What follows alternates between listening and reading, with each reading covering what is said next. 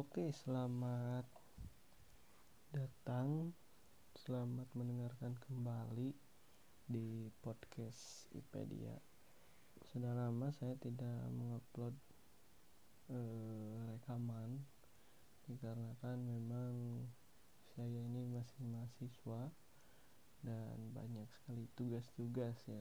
Bahkan sudah terlewati ujian semester Kali ini kita akan melanjutkan buku dari Dr. Arif Budiman yang berjudul Teori Pembangunan Dunia Ketiga. Dan kita masuk ke bab 5 ya. Bab 5 yaitu tentang teori pasca ketergantungan perkembangan baru. Kita mulai ke materi. Teori-teori tentang pembangunan setelah munculnya teori ketergantungan memang menjadi semarak. Karena itu, lepas dari kelemahan-kelemahan yang ada pada teori ketergantungan, munculnya teori ini tidak bisa disangkal telah memberi perspektif baru pada teori-teori pembangunan pada umumnya. Salah satu perspektif penting yang diberikan adalah bahwa aspek eksternal dari pembangunan menjadi penting. Sebelumnya, aspek tersebut kurang dianggap berperan. Negara-negara lain hanya dianggap sebagai mitra dagang yang sering sekali sangat membantu proses pembangunan yang terjadi di suatu negara. Atau kalaupun dianggap menghambat, paling-paling karena negara itu sangat besar kekuatan ekonominya, sehingga negara yang sedang membangun tidak bisa bersaing melawan mereka. Oleh teori ketergantungan, ditunjukkan bahwa negara-negara yang ekonominya lebih kuat bukan saja menghambat karena menang dalam bersaing, tetapi juga ikut campur dalam mengubah struktur sosial, politik, dan ekonomi negara yang lebih lemah. Kekuatan-kekuatan eksternal itu diinternalisasikan oleh negara yang lemah, sehingga tercipta sebuah struktur ketergantungan di dalam negara-negara ini. Proses perubahan struktural inilah yang dipelajari oleh Cardoso melalui kasus-kasus nyata di negara Amerika Latin. Seperti diuraikan sebelumnya, kritik terhadap teori ketergantungan datang baik dari kubu teori-teori liberal maupun dari teori-teori Marxis.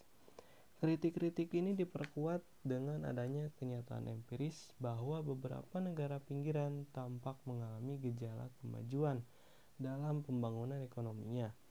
Industrialisasi juga berjalan dengan cepat di sana suatu hal yang oleh teori ketergantungan terutama yang ortodoks dianggap tidak mungkin bahkan tampak muncul tanda-tanda bahwa negara-negara ini akan menjadi mandiri dalam melakukan proses industrialisasi dan mulai mengancam negara-negara industri maju yang sudah ada. Hal ini tampaknya sulit dijelaskan oleh para penganut teori ketergantungan yang lebih canggih seperti Evans dan Cardoso. Bagaimana kelemahan-kelemahan teori ketergantungan ini? Kenyataan-kenyataan empiris ini tampaknya lebih memperkuat teori kete, ke, uh, teori pembangunan liberal yang non-Marxis.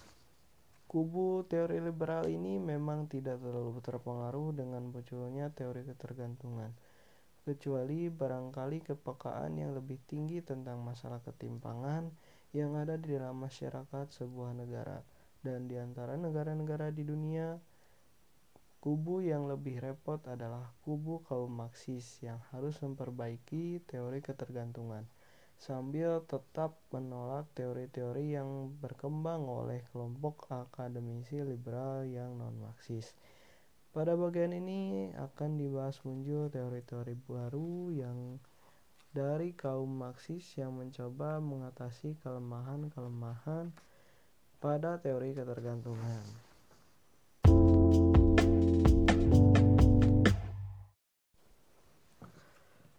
Teori liberal Kritik dari teori liberal pada umumnya berkisar pada ketajaman definisi dari teori ketergantungan Definisi yang dianggap terlalu kabur sulit dijadikan sesuatu yang operasional.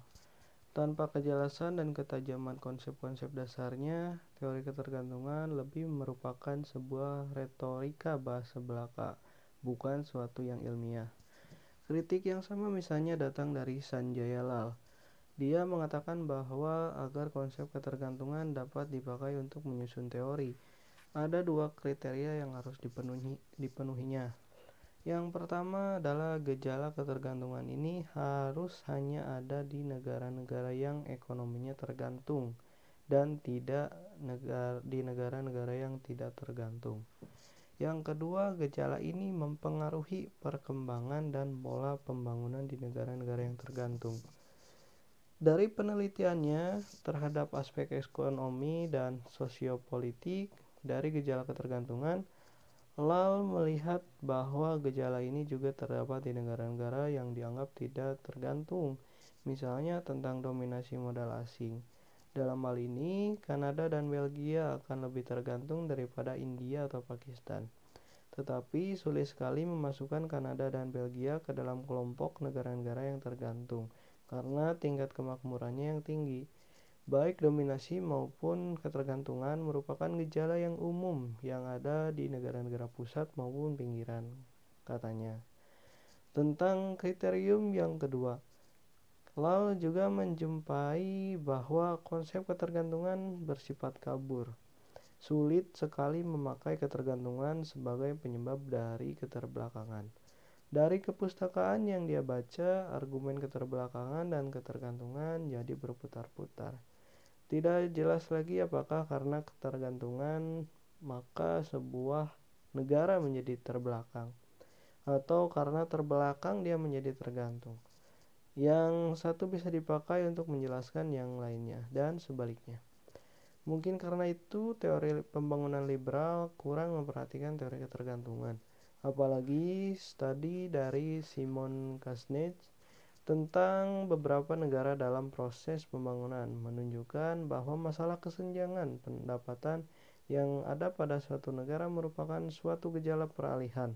Setelah pertumbuhan ekonomi mencapai tingkat tertentu, masalah kesenjangan pendapatan ini menjadi semakin berkurang. Dengan demikian, kesenjangan pendapatan telah terjadi karena ada kemiskinan. Kesenjangan ini akan hilang bila negara tersebut makin maju perkembangan ekonominya. Studi ini memang mendapat bantahan dari data yang diperoleh di negara-negara berkembang sekarang. Sebuah studi pada 13 negara berkembang menunjukkan bahwa korelasi antara pertumbuhan ekonomi dan pemerataan pendapatan memang tidak meyakinkan. Ada beberapa yang sudah cukup tinggi pertumbuhan ekonominya, tetapi di sana terdapat ketimpangan pembagian pendapatan. Di samping ada juga yang menunjukkan penurunan ketimpangan. Hal ini sebaliknya juga benar.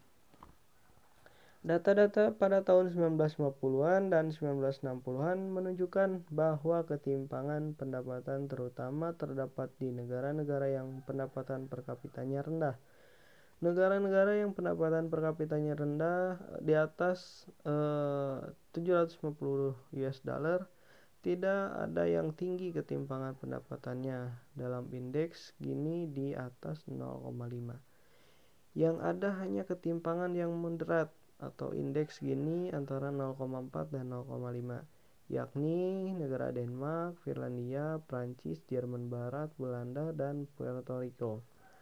Sebaliknya ada negara-negara yang pendapatan per kapitanya rendah atau kurang dari 300 US dollar, tetapi derajat ketimpangannya rendah. Indeks gini di bawah 0,4. Negara-negara ini misalnya Ceylon, Taiwan, Chad, Pantai Gading, Korea Selatan, Libya, Malaysia, Nigeria, Pakistan, dan Uganda.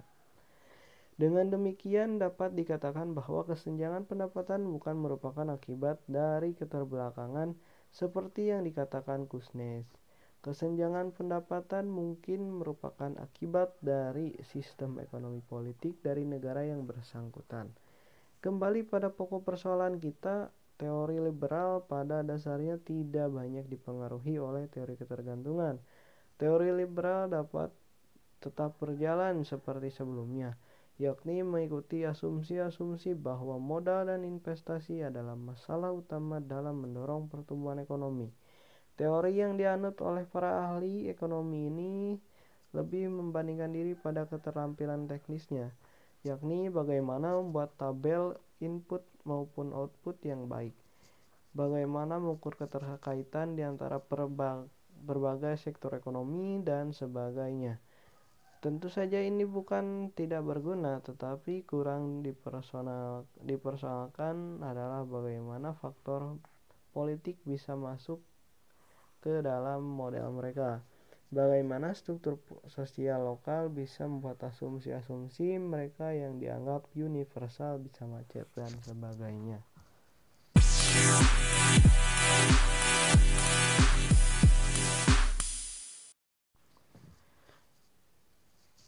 Selanjutnya Bill Warren.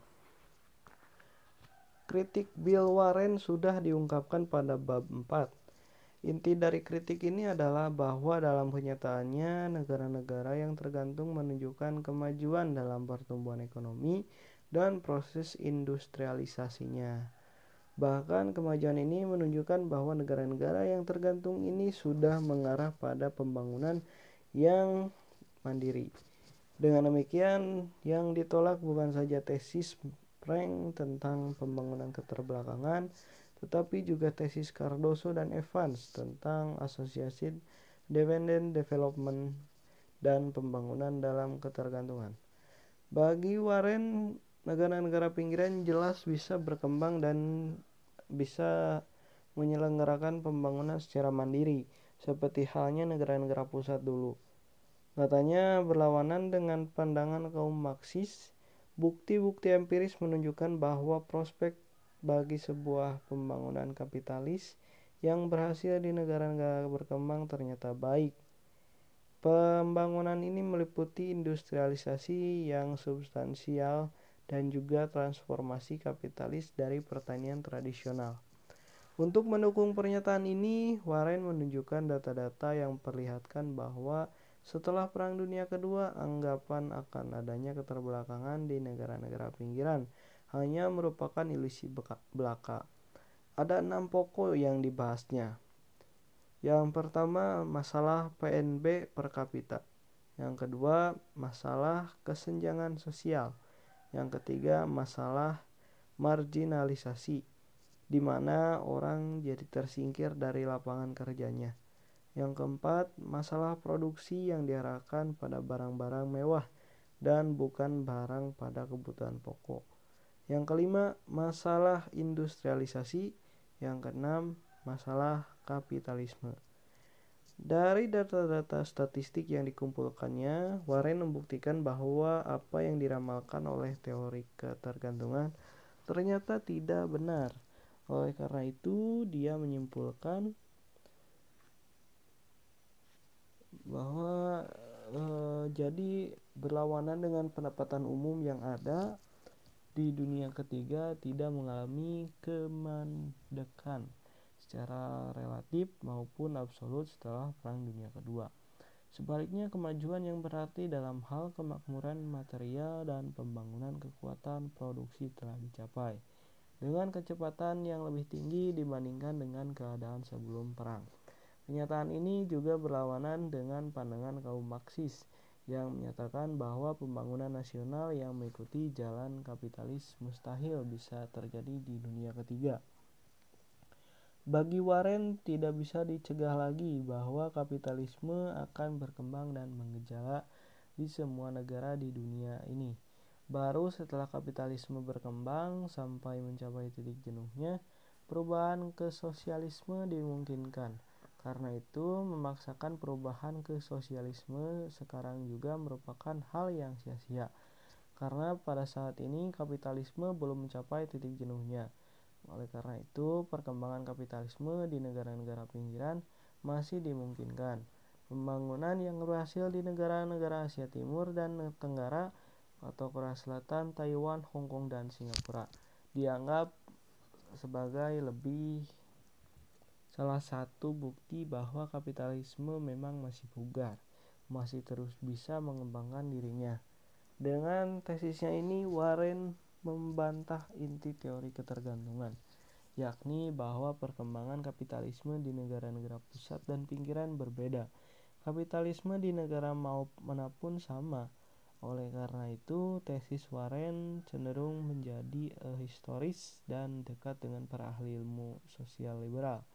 Perbedaannya hanya terletak pada anggapan Warren bahwa setelah kapitalisme berkembang di seluruh dunia, tahap perkembangan selanjutnya adalah perubahan ke arah sosialisme.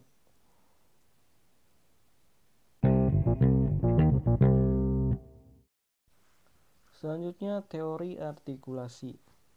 Munculnya teori artikulasi juga sama dengan munculnya teori Warren, yakni ketidakpuasan terhadap teori ketergantungan karena menghadapi kenyataan bahwa pembangunan dan industrialisasi memang terjadi di negara-negara terbelakang. Teori artikulasi juga mencoba memecahkan masalah ini. Teori artikulasi bertitik tolak dari konsep formasi sosial dalam Marxisme, dikenal konsep cara produksi made of production. Misalnya cara produksi feudal cara produksi kapitalis, cara produksi sosialis, dan sebagainya. Masing-masing cara produksi mempunyai ciri yang berlainan dengan cara produksi lainnya.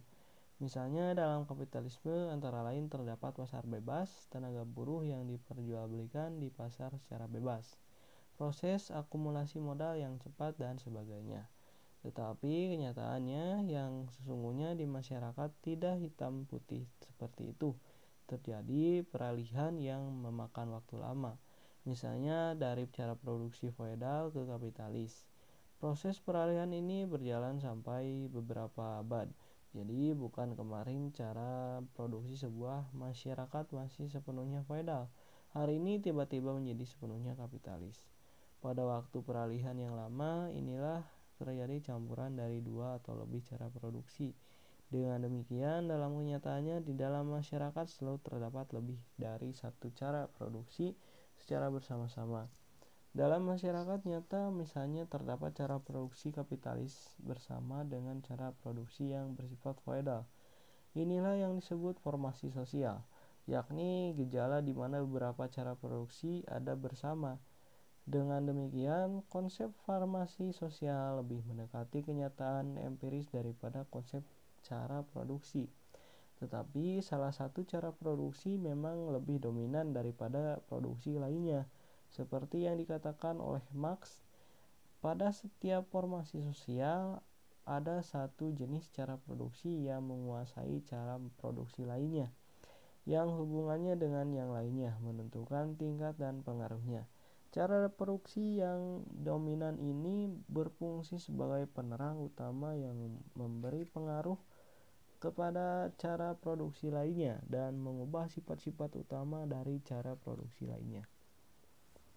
Bila dalam sebuah formasi sosial, cara produksi feodal merupakan cara produksi yang lebih kuat. Formasi sosial ini disebut sebagai formasi sosial feodal. Bila yang paling dominan adalah cara produksi kapitalis, formasi sosial tersebut adalah formasi sosial kapitalis. Dalam sebuah masyarakat nyata, kombinasi dan unsur-unsur cara produksi tentunya berlainan. Misalnya di Amerika Serikat maupun di Jepang, formasi sosial yang ada di sana adalah formasi sosial kapitalis. Karena cara produksi kapitalislah yang paling dominan di kedua negara tersebut. Tetapi unsur feodal yang merupakan cara produksi yang tidak dominan jelas lebih kuat di Jepang daripada di Amerika Serikat. Oleh karena itu, penjelmaan kapitalisme di Amerika Serikat dengan yang menjelma di Jepang. E, di sinilah muncul konsep artikulasi. Dikatakan artikulasi kapitalisme di Amerika Serikat lain dengan di Jepang. Karena porsi campuran unsur-unsurnya juga berlainan. Marilah kita kembali pada teori ketergantungan. Teori ini mengatakan bahwa kapitalisme yang mengejala di di negara-negara pinggiran berlainan dengan kapitalisme yang mengejala di negara-negara pusat. Kapitalisme di negara pinggiran adalah kapitalisme kerdil yang tidak bisa tumbuh menjadi besar. Faktor-faktor yang menyebabkan kekerdilan ini sudah dibahas pada bagian sebelumnya. Pendapat seperti ini cenderung membedakan hakikat dari kapitalisme pusat dengan kapitalisme tergantungan di pinggiran.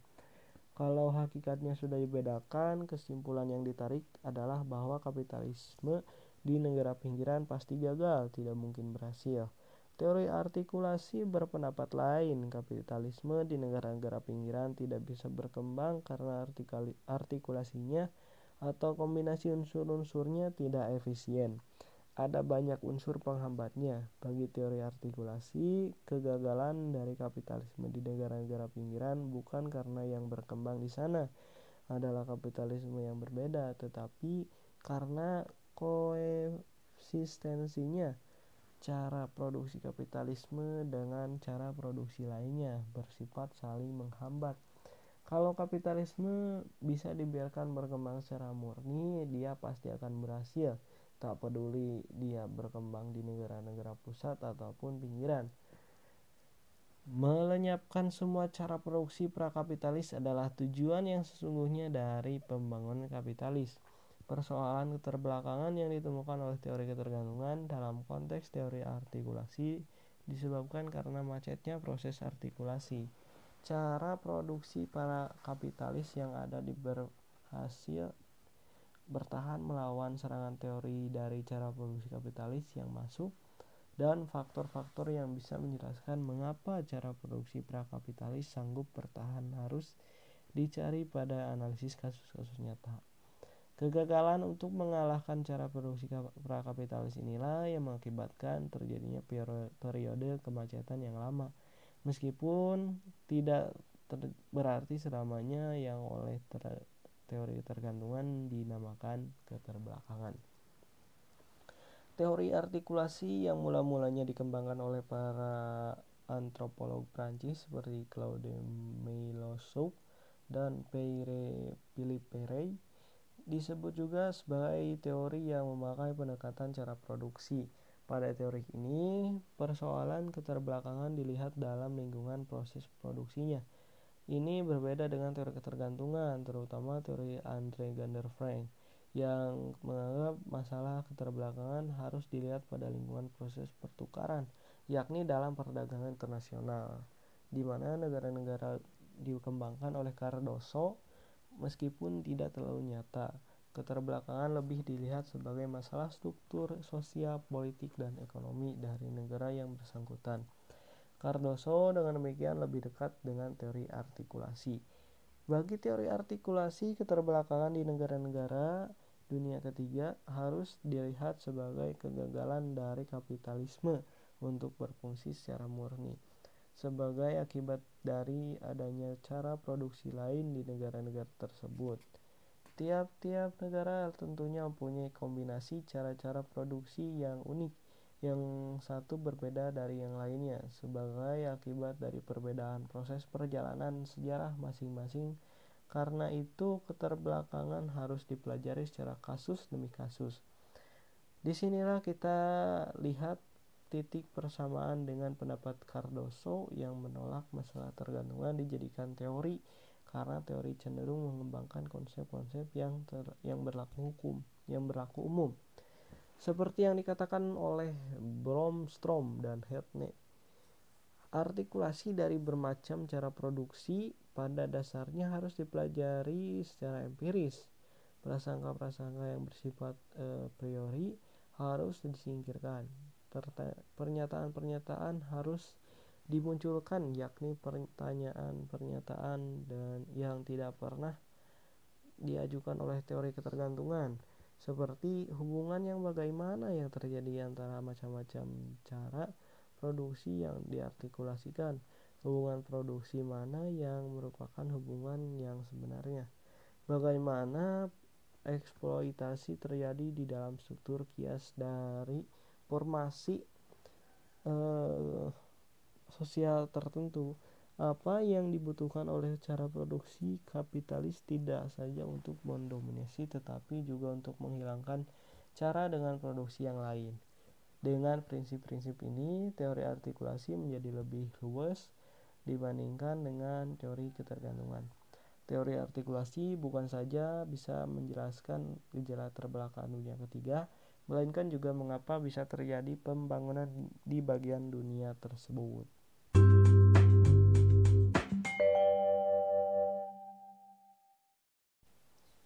Selanjutnya ada Immanuel Wallerstein.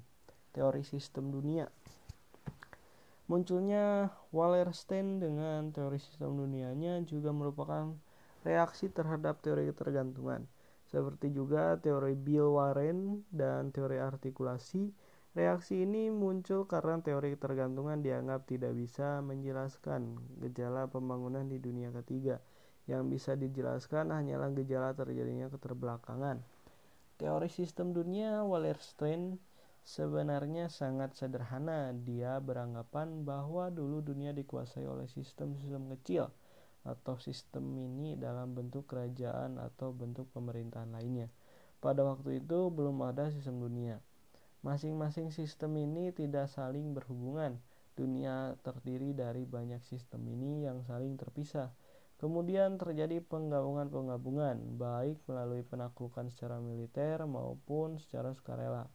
Sebuah kerajaan besar kemudian muncul, meskipun tidak sampai menguasai seluruh dunia, tetapi karena besarnya yang luar biasa dibandingkan dengan kerajaan-kerajaan kerajaan yang ada sebelumnya. Kerajaan ini disebut sebagai kerajaan dunia atau world empire. Kerajaan dunia ini mengendalikan kawasannya melalui sebuah sistem politik yang dipusatkan. Meskipun kerajaan dunia ini sangat besar, kawasannya terbatas sampai sejauh mana kerajaan ini bisa menguasai secara politis daerahnya. Penguasa e, juga tidak dalam bentuk pengendalian yang ketat, tetapi cukup dengan sistem upeti sebagai tanda takluk semakin jauh dari da, dari pusat kekuasaan semakin bebas daerah tersebut. Perkem, perkembangan teknologi perhubungan dan perkembangan di bidang lain kemudian memunculkan sistem perekonomian dunia yang menyatu. Berbeda dengan kerajaan besar dunia, perekonomian dunia menghubungkan kawasan-kawasan yang ada di dunia ini melalui pertukaran di pasar. Sejumlah kerajaan besar dunia muncul dan menghilang, sementara sistem perekonomian dunia yang berkembang secara mantap sejak abad ke-16 sudah menguasai seluruh dunia pada saat ini. Dengan kata lain, sistem perekonomian dunia adalah satu-satunya sistem dunia yang ada. Sistem dunia inilah yang sekarang ada sebagai kekuatan yang menggerakkan negara-negara dunia, kata Brewer. Sebuah sistem dunia tidak harus berarti bahwa dia menguasai seluruh dunia Sistem ini dirumuskan sebagai sebuah unit dengan satu pembagian kerja dengan macam-macam sistem budaya. Sebuah sistem dunia dengan demikian merupakan sebuah sistem dunia tanpa satu kuasaan pusat. Sistem dunia yang ada sekarang adalah kapitalisme global. Wallerstein kemudian membagi tiga kelompok negara pusat, setengah-setengah pinggiran, dan pinggiran. Konsep ini jelas diambil dari teori ketergantungan. Wallerstein hanya menambah kelompok setengah pinggiran. Perbedaan inti dari ketiga kelompok ini adalah kekuatan ekonomi yang polit dan politik dari masing-masing kelompok. Jelas yang paling kuat adalah negara-negara pusat, kelompok negara-negara kuat yang eh, yakni negara-negara pusat mengambil keuntungan yang paling banyak karena kelompok ini bisa memanipulasi sistem dunia sampai batas-batas tertentu. Selanjutnya negara-negara pinggir, negara setengah pinggiran mengambil keuntungan dari negara-negara pinggiran yang merupakan pihak yang paling dieksploitir. Dinamika dari ketiga kelompok negara ini ditentukan oleh sistem dunia. Bagi Wallerstein, semua sistem sosial dalam sebuah dunia yang modern, bukan lagi sebuah sistem yang tertutup dan karena itu tidak bisa dianalisis seakan-akan mereka berdiri sendiri. Selanjutnya, menurut Wallerstein, negara-negara bisa dinaik atau turun khas. E, misalnya dari negara pusat menjadi negara setengah pinggiran dan kemudian menjadi negara pinggiran dan sebaliknya. Naik dan turunnya kelas negara ini ditentukan oleh dinamika sistem dunia. Pada suatu saat Inggris, Belanda, dan Prancis adalah negara pusat yang berperan dominan dalam sistem dunia. Tapi kemudian Amerika Serikat muncul menjadi negara terkuat setelah negara-negara Eropa hancur dalam Perang Dunia Kedua. Tetapi pada saat ini muncul Jepang sebagai negara yang menantang kekuasaan hegemonik Amerika Serikat. Bangun dan jatuhnya kekuatan negara-negara ini oleh Wallenstein dijelaskan melalui sebuah analisis sejarah dari dinamika sistem dunia yang dituangkan dalam dua bukunya Semuanya akan ada empat buku menurut Wallenstein yang terbitnya pada tahun 1974 dan 1980. Di samping itu, teori Wallenstein dapat dipakai untuk menjelaskan naiknya sebagai negara-negara industri baru seperti Korea Selatan, Taiwan, Hong Kong, dan Singapura dari posisinya sebagai negara pinggiran menjadi negara-negara setengah pinggiran. Naiknya upah kerja di negara-negara pusat membuat negara-negara ini memberikan kesempatan pada beberapa negara yang sudah siap dalam arti kesiapan teknologi, kestabilan politik, disiplin kerja, dan sebagainya untuk mengambil alih produksi barang-barang industri yang lebih sederhana. Industri dengan teknologi canggih yang memberikan keuntungan besar seperti komputer tetap ada di tangan negara-negara pusat. Kesempatan ini memungkinkan negara-negara seperti Korea Selatan, Taiwan, Hong Kong, dan Singapura ini naik kelas Wallenstein kemudian merumuskan tiga strategi bagi terjadinya teori eh, proses kenaikan kelas ini. Yang pertama, kenaikan kelas terjadi dengan merebut kesempatan yang datang karena dinamika yang ada pada sistem perekonomian dunia pada satu kali harga komoditi primer menjadi murah sekali dan barang-barang industri mahal. Akibatnya, negara-negara pinggiran tidak lagi bisa mengimpor barang-barang industri. Dalam keadaan seperti ini, negara-negara yang sudah terdesak mengambil tindakan yang berani untuk mulai melakukan industrialisasi substitusi impor sendiri. Meskipun tindakan ini hanya membuat negara ini beralih dari satu jenis ketergantungan ke jenis ketergantungan yang lain, tetapi dalam kriteria ekonomi ada kemungkinan negara ini naik kelas dari negara pinggiran menjadi negara setengah pinggiran.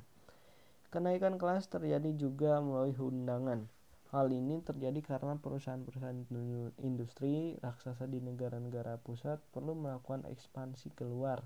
Maka lahirlah perusahaan-perusahaan multinasional. Perusahaan multinasional ini membutuhkan mitra usaha di negara-negara berkembang karena macam-macam alasan. Lihat analisis Peter Evans tentang lahirnya pembangunan dalam ketergantungan yang sudah diuraikan sebelumnya. Akibat dari perkembangan ini muncullah industri-industri di negara-negara pinggiran untuk bekerja sama. Proses ini jelas dapat meningkatkan posisi negara pinggiran menjadi setengah pinggiran. Yang ketiga, kenaikan kelas yang e, terjadi karena negara tersebut menjalankan kebijakan untuk memandirikan negaranya. Wallenstein menunjuk Tanzania sebagai contoh. Negara itu melaksanakan konsep ujaman ujama untuk melepas dirinya dari eksploitasi negara-negara yang lebih maju. Kalau berhasil, tindakan melepas diri ini bisa membuat negara tersebut naik kelas menjadi negara setengah pinggiran. Tetapi semuanya ini tentunya tergantung pada kondisi sistem dunia yang ada.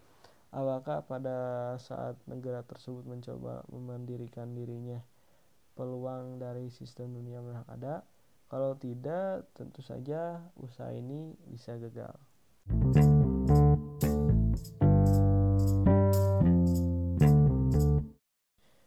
Oke, setelah kita mendengarkan uh, membahas beberapa teori-teori tersebut, kita ambil uh, simpulan atau rangkumannya. Apa hubungan antara teori sistem dunia ini dengan teori ketergantungan? Pertama, terjadi persamaan yang dekat antara teori ini dengan teori ketergantungan. Andre Gander Frank Keduanya melihat negara tidak bisa dianalisis secara mandiri, terpisah dari totalitas sistem dunia. Tetapi berbeda dengan Frank yang melihat hubungan antara negara pinggiran dan negara pusat sebagai penghubung yang selalu merugikan negara pertama. Wallenstein tidak spesimis itu. Bagi Wallenstein, dinamika sistem dunia, yakni kapitalisme global selalu memberikan peluang bagi negara-negara yang ada untuk naik atau turun kelas. Sistem dunia yang dulu memberikan keunggulan pada negara-negara yang bisa menghasilkan komoditi primer. Pada saat lain, keunggulan ini beralih kepada negara-negara yang mengembangkan industrinya. Sistem dunia ini juga yang kemudian memberi kesempatan kepada negara pinggiran yang sudah relatif siap untuk mengambil alih kesempatan untuk melakukan produksi barang-barang ini sudah tidak menguntungkan lagi di negara-negara pusat karena upah buruhnya yang meningkat. Kritik yang diberikan kepada teori sistem dunia dari Wallenstein adalah perhatiannya yang kurang terhadap struktur internal dari negara-negara yang ada.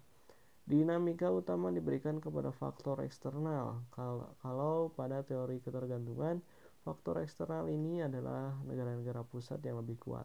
Pada teori sistem dunia, faktor eksternal ini adalah sistem dunia yang merupakan hasil interaksi dari negara-negara yang ada. Dengan demikian, teori sistem dunia berlainan dengan teori artikulasi yang lebih mementingkan analisis pada kondisi internal yang ada di dalam negeri negara-negara yang diteliti.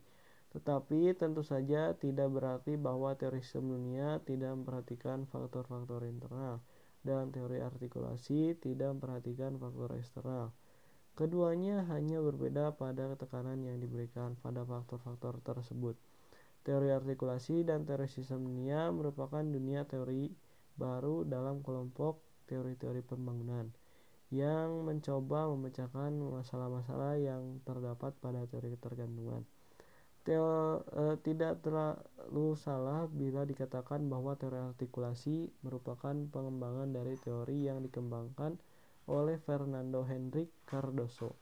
Sedangkan teori sistem dunia dari teori ketergantungan Andre Gander Frank. Tetapi sambil memecahkan persoalan-persoalan yang ada, teori-teori baru ini juga menciptakan persoalan baru. Tampaknya memang begitulah perkembangan dunia ilmu, penyempurnaan melahirkan lagi tantangan baru. Mungkin itu pembahasan dari bab 5 membahas pasca teori ketergantungan.